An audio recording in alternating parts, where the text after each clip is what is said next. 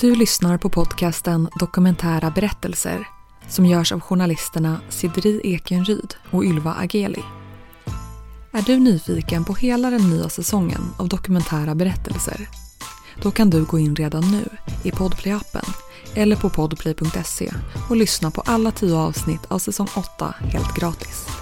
Den här säsongen handlar bland annat om hur det är i munrörelsen om att börja med smärtstillande Citadon och sluta i ett heroinmissbruk. Om tarotkort, tvångstankar och såklart mycket, mycket mer. Så gå in på Podplay och lyssna på hela säsongen redan idag. Helt gratis. Omkring 100 000 personer i Sverige har Alzheimers sjukdom. Sjukdomen gör att nervceller dör och funktioner som minne och kognitiv förmåga påverkas och i takt med att tiden går försvinner mer och mer av hjärnan. Man hör ofta från andra människor att ja, men hon lever i alla fall och du kan ju fortfarande gå och hälsa. Hon sitter ju där liksom. Vad skönt att hon fortfarande finns. Men min mamma finns inte. Um, min mamma försvann för många år sedan. I det här avsnittet möter vi Vici som berättar om hur det är att se sin mamma insjukna i Alzheimers sjukdom redan vid 54 års ålder ja, nu när det har gått så långt som det har gått så förstår hon inte riktigt. Alltså om man visar henne en bild så ser hon inte riktigt bilden. Hon kan inte sitta och titta på TV eller det finns liksom inget... Nej, det finns inget värde egentligen. Och för att lära oss mer om sjukdomen pratar vi med Bengt Winblad, professor i geriatrik vid Karolinska institutet och som just nu bedriver forskning om ett nytt läkemedel mot Alzheimer. Jag har sagt förut att vi har en en bra medicin i fem år, men det har jag sagt i 30 år.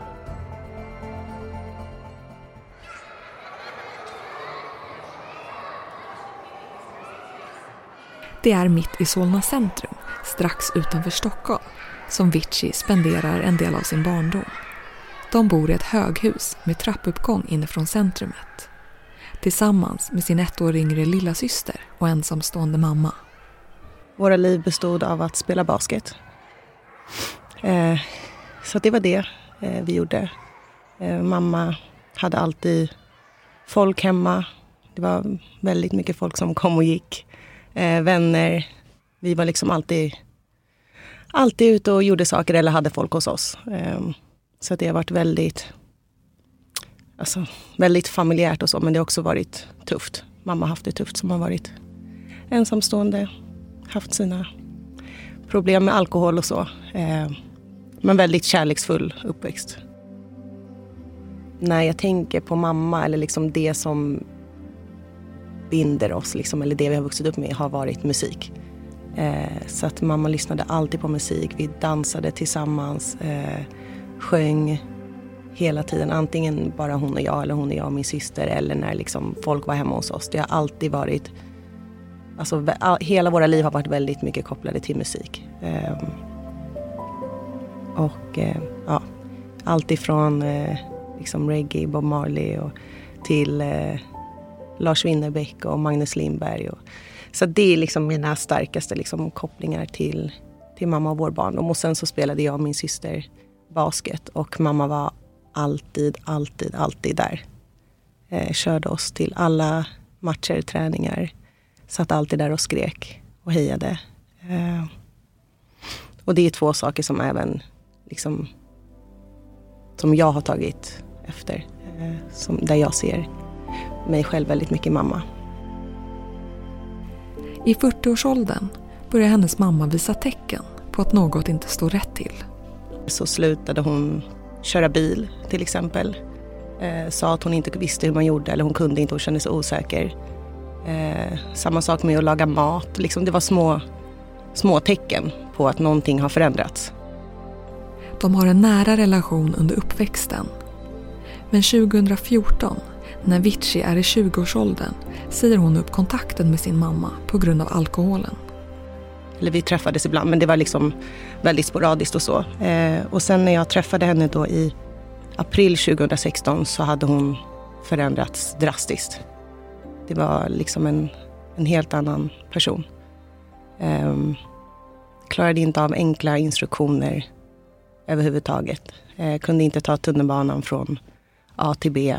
Eh, just det här med att laga mat. Jag kommer ihåg eh, där i början att hon skulle göra så carbonara eller typ baconpasta. Och jag sa, ja men det är bara att steka baconet och sen häller ni på grädden. Och då tog hon baconet, stekte det, eh, hällde upp grädden i en skål. Hällde över baconen och började liksom vispa grädden. Så att hon gjorde mycket så här jätte, jättekonstiga saker. Um, och då hade hon även, hon jobbar som, eller jobbade som eh, fångvårdare. Eh, så att de hade ju insett att det går inte att vara kvar här. Glömde att låsa, låsa dörrarna till de intagna och sånt. De påbörjar en utredning och Vici känner sig redan säker på att det är just Alzheimer. Hon känner igen symptomen eftersom hennes morfar gick bort i det några år tidigare. Eh, men de trodde att det var kopplat till stress, att hon bara var väldigt stressad. Och hennes vänner sa nej, hon är bara stressad, det är bara stress. För hon har varit väldigt stressad hela våra liv. Eh, men då fortsatte de med, den här, med alla de här testerna, minnestester och provade liksom, kollade om det var på grund av stress eller vad det kunde vara. Eh, och till slut när det närmade sig då november, där någonstans, 2016, så hade hon blivit så pass dålig att jag liksom ringde in och sa hon, ni måste komma fram till någonting nu för att hon klarar sig inte. Och då hade hon glömt hur man eh, öppnade porten eller dörren. Hon glömde att man stoppade in nyckeln. Så att då hade hon sovit ute i, i farstun. Hade hon gjort. Så då ringde jag och då åkte vi in och då la de in henne i, jag tror att det var två veckor. Eh, och gjorde de sista testerna väldigt intensivt. Och då fick hon diagnosen. Vet du hur de här testerna var eller hur de gick till? Mm. Um, I början, när hon testade, jag var ju med väldigt mycket. Uh, och då var det mycket så här, tester med att de kunde säga ord som hon skulle upprepa. Katt, lampa, liksom, så skulle hon upprepa dem. Uh, räkna från hundra bakåt, liksom, sådana saker väldigt enkla. Eh, hon skulle, de hade en, hon skulle rita, rita någon, här, jag kommer inte ihåg exakt, men det var någon eh, geometrisk form. Hon skulle rita på ett papper eh, varje gång vi var där. Och det gjorde hon liksom halvt de första gångerna och sen så blev det liksom sämre och sämre och sista gången så var det bara ett streck. Eh, och hon skulle skriva meningar som Jag älskar mina barn till exempel. Eh, sådana såna tester var det. Och när hon låg inne så var det också sådana tester men också eh, prover. Man röntgade hjärnan, eh, kollade efter sådana här, man tog något test som kollar efter protein i hjärnan. Eh, och så testade de vardagliga saker som att laga mat och hon fick liksom ja, testa på sådana grejer. Såg de de här ändringar i hjärnan då på magnetröntgen? Eh, nej, när, eh, hon, när vi hade det här sista mötet eh, när hon skulle få liksom, diagnosen och alla, alla tester var klara så var det hon och jag där. Och eh, ja, men då sitter vi liksom inne i det här rummet, jag, mamma, läkaren och sen någon sjuksyster. Eh, och då sitter vi där och så säger han att eh, ja, vi har röntgat hjärnan och det såg jättebra ut. Vi såg ingenting, inga förändringar. Eh, och liksom man bara andades ut, kände sig liksom eh, så lättad. Och så sa han, men vi ser på det här proteinet att hon har Alzheimers. Um, och det var ju, ja, hemskt. Mamma bara skrek rakt ut. Eh, skrek och, och grät. Um, och jag, ja, jag kunde in, nästan inte ens röra henne för att jag liksom kände att nu behöver jag vara stark. Vi kanske pratar om, om det sen. Hennes mamma är 54 år gammal när hon får diagnosen. Då är sjukdomen i en tidig fas och hon kan ta in sjukdomsbeskedet. Hon har då även själv minnen från när hennes egna pappa gick bort i just Alzheimer. Och just Alzheimers har alltid varit hennes stora skräck. Eh, det och MS har hon. Hon, som jag sa innan, hon var väldigt eh, stressad av sig. Oroade sig hela tiden. Oroade sig för att vi skulle dö, något ska hända, katastrofer ska hända. Eh, och just det här MS och Alzheimers var hon livrädd för och upprepat så många gånger under hela min barndom att hon är så rädd för det. Eh, så att när de sa att det var Alzheimers, ja men hon, hon förstod och hon ja, blev. Mycket kring Alzheimers sjukdom är ett mysterium. Man vet till exempel inte helt säkert vad det är som gör att vissa utvecklar sjukdomen och inte andra. Vi hör Bengt Winblad, professor i geriatrik vid Karolinska institutet. Och det är väl så att de flesta som vi ser nyinsjuknade och i lite högre ålder, där är det huvudsakligen möjligen miljöfaktorer. Vi vet inte orsaken men huvudsakligen miljöbetingat. Sen om man insjuknar i väldigt tidig ålder och flera i samma familj har sjukdomen, då kommer man in mera på genetik. Och då har vi i vissa familjer så har vi en specifik genetisk förändring, alltså en, en förändrad kromosom, eh, Eh, en mutation som vi säger, som ger sjukdomen. Men det, det är rätt sällsynta fall. Jag kanske skulle säga nästan mindre än en procent av alla fall. Så att, men om man säger att åtminstone 95 procent av alla är sporadiska och, och då har man ju naturligtvis tittat på miljöfaktorer men även om man sköter sig optimalt så, så kan man få sjukdomen. Så att, att det, det, är inte bara det, utan det, det, är något vi inte vet riktigt än varför sjukdomen drabbar oss och varför nervcellerna dör i förtid. Det som händer vid sjukdomen är alltså att nervcellerna i hjärnan förstörs. De celler som påverkar minnet och den kognitiva förmågan. Man vet inte riktigt varför de förstörs. Men två skadliga proteiner verkar ha en inblandning. Beta-amyloid och tau. Också gener spelar in.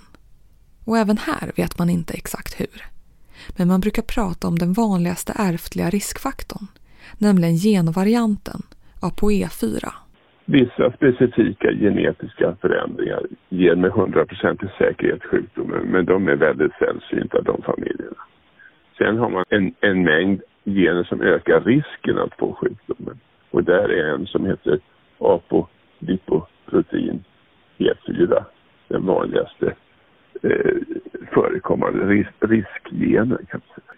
Görs det tippat att i kliniska prövningar när vi rekryterar patienter då är förekomsten av ApoE, ApoE4 väldigt hög. Och i Sverige så har eh, e E4 så har ungefär 20 procent av befolkningen av en eller två alleler av ApoE4. Så att det, jag har sett många hundraåringar, inte många, 200-åringar som haft E4, E4, man har två alleler. Och, och de var inte dementa. Så, så att det, det är bara en risk igen, det ökar risken kan man säga. Men det ökar risken för hjärt-kärlsjukdom och, och an, andra ökad känslighet kan man säga överhuvudtaget.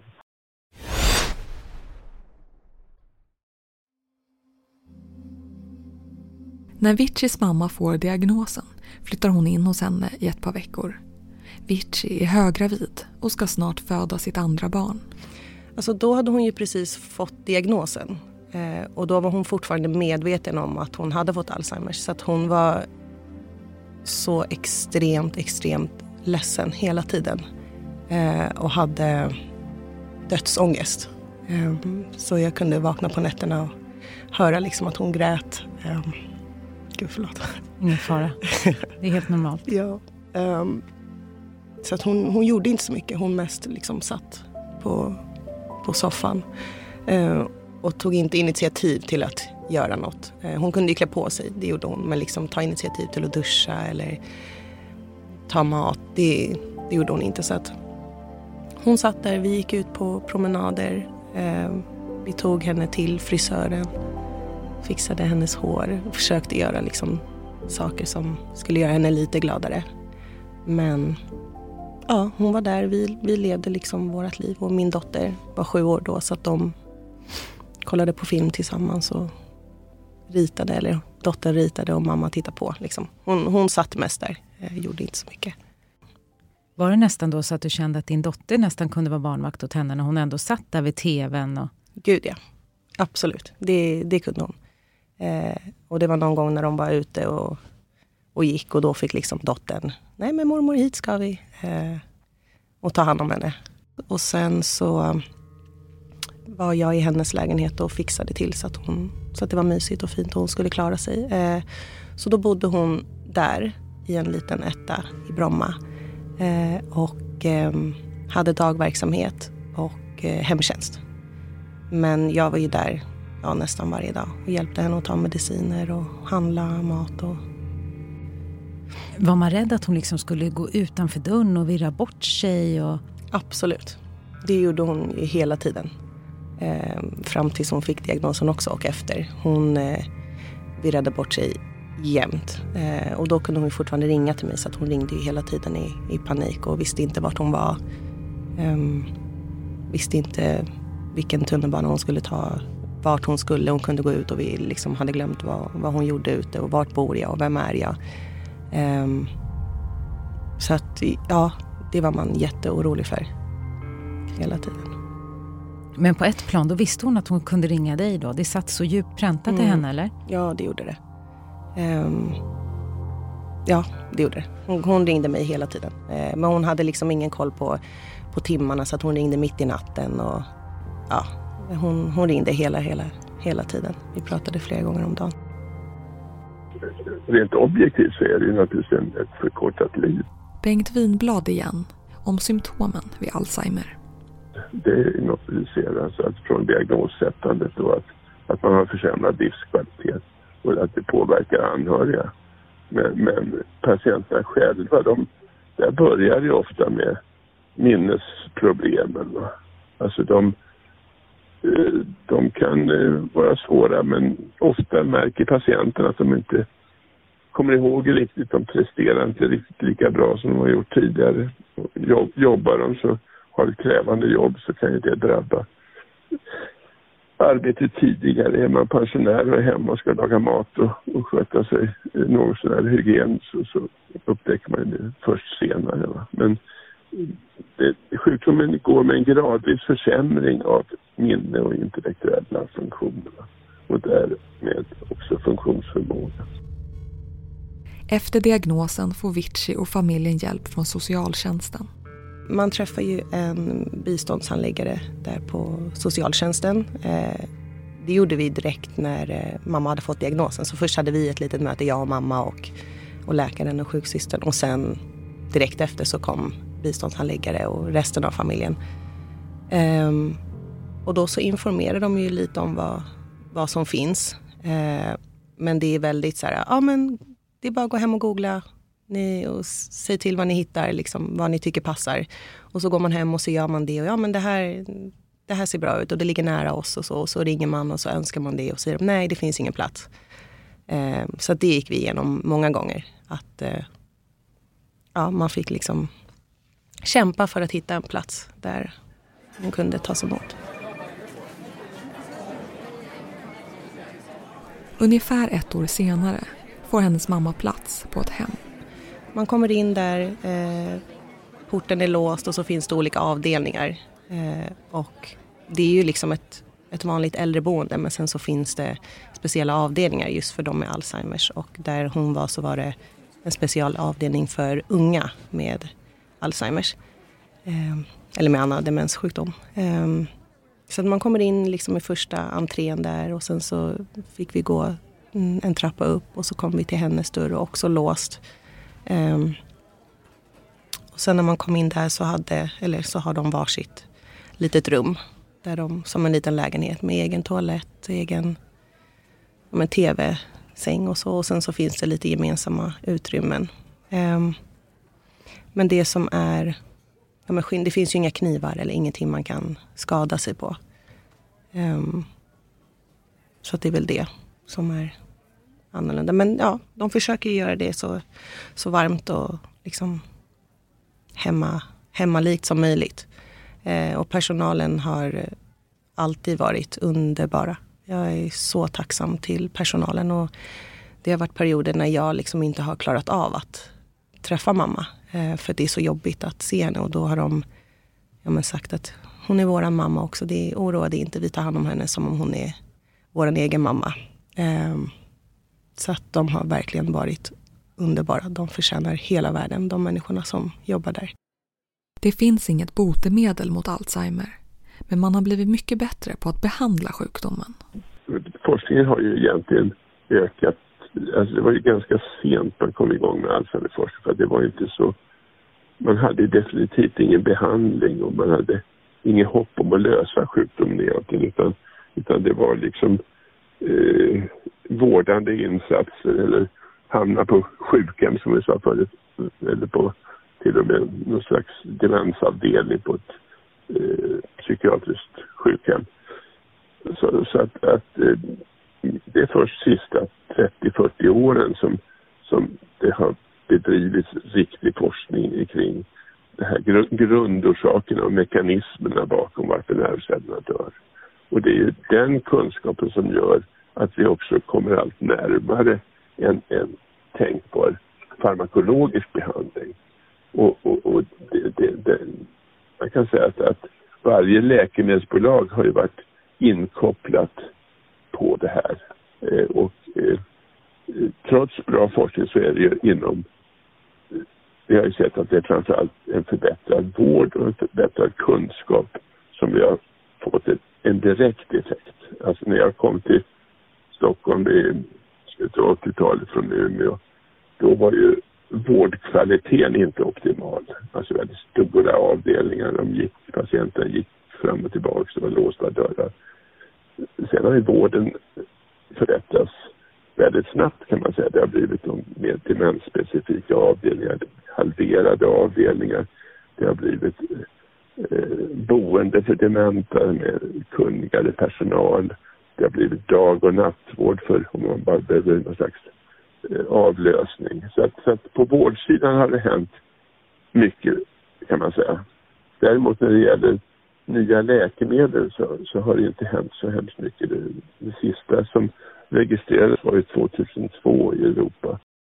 Alltså det är ju väldigt många tabletter. Man får ju dels sån här bromsmedicin. Eh, och så fick hon mycket medicin mot ångest, mot depression. Eh, man får ofta det tillsammans som jag förstår eftersom att man, man mår väldigt dåligt. Eh, och sen så är det biverkningar man eh, ja, men till exempel som att hon fick problem med magen och då får man medicin för det. Eh, så det var liksom väldigt många tabletter och det ska tas eh, två gånger per dag. Eh, och sen så fick hon också, eller har väl fortfarande liksom fått hallucinationer och så av medicinen och då får man medicin för det också, att man inte ska liksom antipsykotiskt eller eh, något sånt. Eh, så det har varit väldigt, väldigt mycket tabletter hela tiden och det är speciellt när hon bodde hemma så är det jättesvårt för henne att hålla reda på. Um, så att hennes liv har varit liksom kantat av, av mediciner. Vad brukar hon få för hallucinationer? Eh, alltså redan från början när hon fick diagnosen så har det varit Alltså väldigt mycket att folk är ute efter henne eller ute efter barnen. Så att, och det har varit jämt. När hon gick på den här dagverksamheten så var det någon kvinna där som hon liksom som hon sa liksom ville henne illa, hade gjort saker, hon hade stulit pengar, hon hade gjort massa grejer. Eh, och sen så var det även någon i hemtjänsten som ville henne illa och hon kunde, hon vaknade någon gång och då var hon helt övertygad om att hemtjänsten, han den här mannen då och hans vänner hade varit och knackat på och bankat på eh, utanför henne och försökt komma in och stjäla saker och de ville henne illa. Eh, hon har också fått för sig att hon har blivit påhoppad ute. Det var något mord i närheten där hon bodde och då hade mördaren tagit tag i henne och de hade varit liksom mycket, mycket sådana saker. Um, och väldigt mycket liksom läskiga saker, saker hon är rädd för. Och hon har även fått för sig att liksom där hon är nu, att det är någon man där som har förgripit sig på min son. Och jag har varit gravid med en sjuksyster där. Alltså det har liksom varit väldigt mycket, mycket sånt. Eh, och då är hon, det gör henne väldigt liksom rädd men också aggressiv mot de här människorna. Eh, inte fysiskt men att hon, hon pratar illa om dem och är väldigt arg på dem för att i hennes eh, hjärna så har de ju gjort de här sakerna. Så hon har blivit jättepersonlighetsförändrad? Ja, väldigt. Hon är en helt annan, annan människa. Och det är också väldigt liksom, fokuserat på de här sakerna. Så att även när man är där och försöker liksom prata om andra saker så är det den där jävla kärringen och han har gjort det, hon har gjort det. Liksom det är all, alltid väldigt, väldigt, väldigt fokuserat på, på de här hallucinationerna och den här paranoian. Liksom. Hennes mamma är idag 62 år gammal och Vici försöker finnas där för henne så mycket som möjligt. Man kommer in där eh, på boendet. Det är, bara hela stämningen är så tragisk. Eh, för att det är sjuka människor som egentligen bara sitter och stirrar. Liksom. Eh, och så kommer man dit och så ser man sin mamma sitta där eh, som vanligtvis liksom hoppar upp och ger henne en kram. Och, eh, som nu helt plötsligt inte gör det. Utan hon sitter där och, och bara stirrar. Och man får liksom, hej mamma det är jag. Och det tar liksom lång tid innan hon ens ser att det är jag. Um, och um, ja, det är, en, det är en helt annan människa som man möter. Och det gör så otroligt ont att se någon som man har vuxit upp med som har varit ens trygghet, ens mamma som man liksom alltid har sett upp till. Eh, bara vara ett skal. Eh, inte alls ha egentligen någonting av sig själv kvar. Um, och det gör ju ibland att man känner att hur ska man liksom orka se det här och ändå fortsätta? För jag har liksom mina barn och jobb och skola och, och saker som jag ska orka med. Eh, men man mår så dåligt av att veta att hon sitter där. Eh, och egentligen inte har något liv. Alltså, inget värdigt liv. Man väntar på att dö i princip. Eh, och det har jag tyckt är jobbigt så då har jag liksom ibland sagt att jag, jag klarar inte det här. Ehm, för att varje gång man kommer dit så får man den här ångesten. Liksom, hjärtat slår Eh, och så ska man vara stark för henne. Eh, speciellt då i, i början när hon hade flyttat in. Då kunde hon ju liksom se om jag var ledsen. Och, eh, jag kunde göra henne orolig liksom med med mitt beteende. Så därför var jag väldigt liksom, hård och försökte att inte visa känslor. Och liksom, jag, som, sagt, som sagt, jag kunde, kunde, knappt röra henne för att så fort jag rör henne så, så blir jag ledsen. Um, och det tyckte jag också var så jobbigt, att behöva liksom försöka visa upp en front när jag bara gick sönder och skrek inombords. Och hon känner inte igen dig heller egentligen då? Hon vet inte att du är du? Eh, jo, det gör hon. Eh, men det tar ett tag. Man måste liksom visa sig och liksom ta tag i henne, visa sitt ansikte väldigt nära och se vem det är. Eh, så att hon känner igen mig. Det är hon. Det är några få som hon fortfarande känner igen. Men jag och mamma har alltid varit liksom så nära. Vi har alltid suttit ihop. Eh, så att eh, ja, jag och hennes syster är väl de sista hon, hon glömmer. Känns det som. Det är vi som liksom finns kvar starkast i. Men mina barn, liksom, eh, min syster och så, de är svåra att komma ihåg till exempel.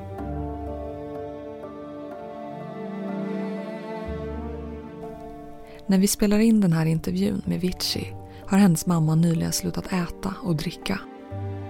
Och det är väl för att ja, men, liksom, kroppen förbereder sig på att dö.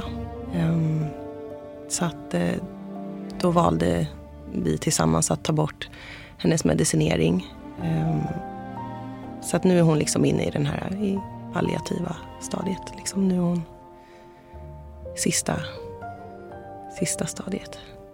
Hur lång tid brukar det vara?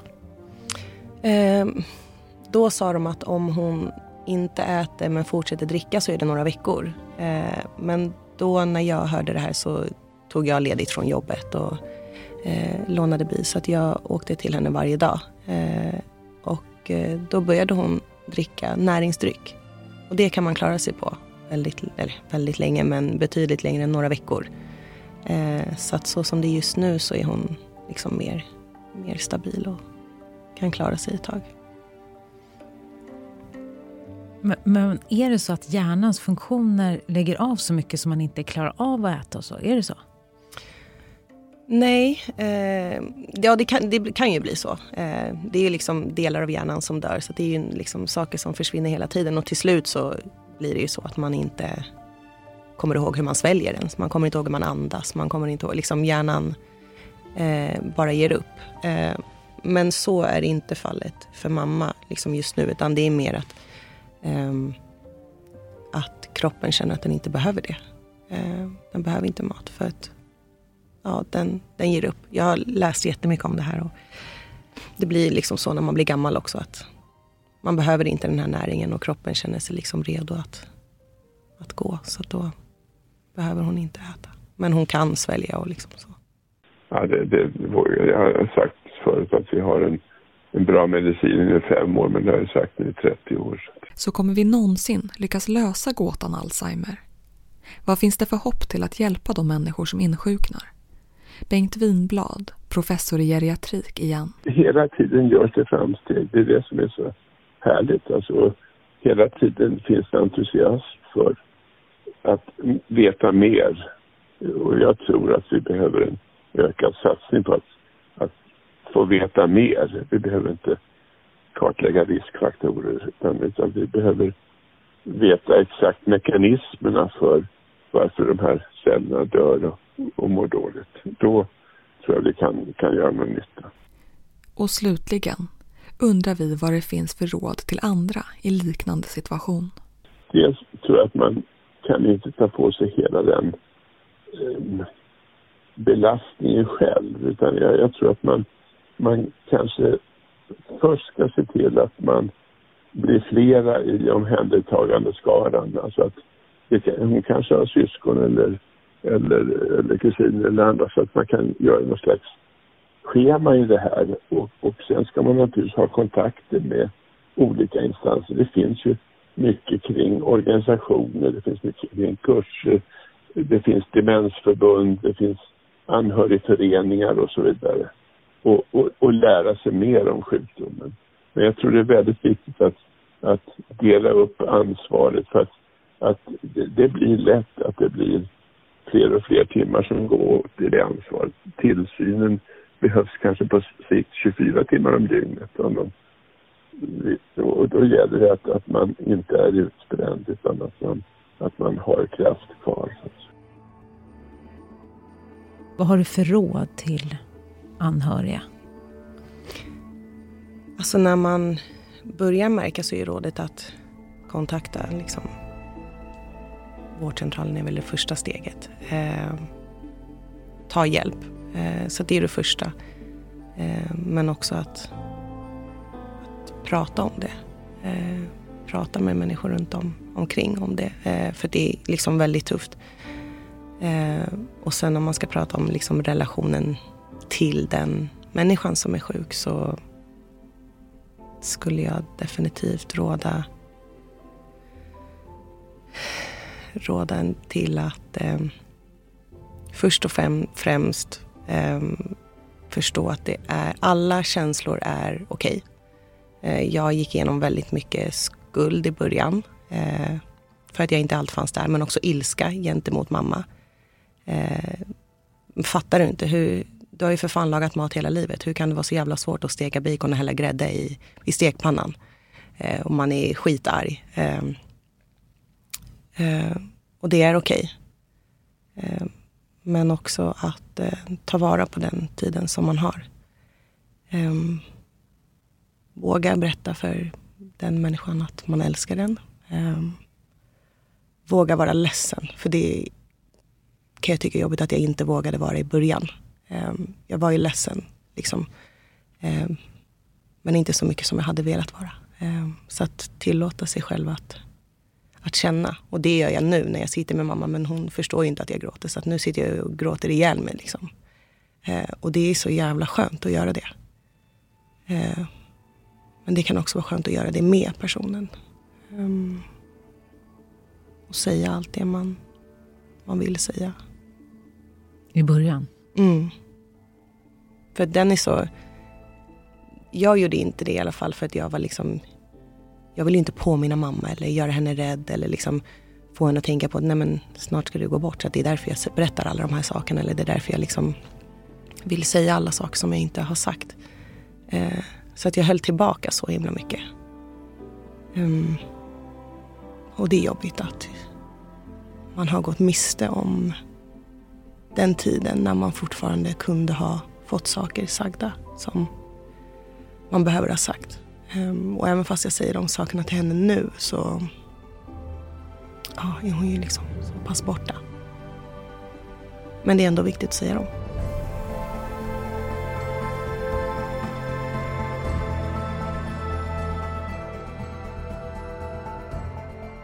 Du har lyssnat på avsnittet om Alzheimer. I nästa avsnitt och då är det jätteviktigt att man åker hem och inte stannar kvar.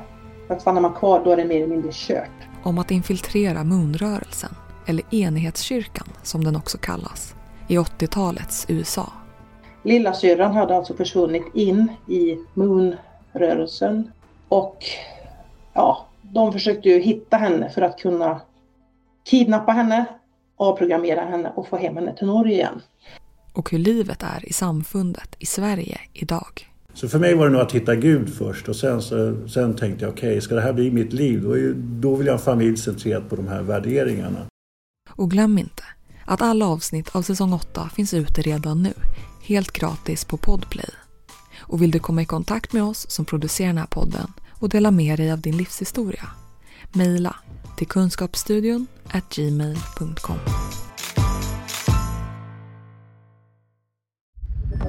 Podplay, en del av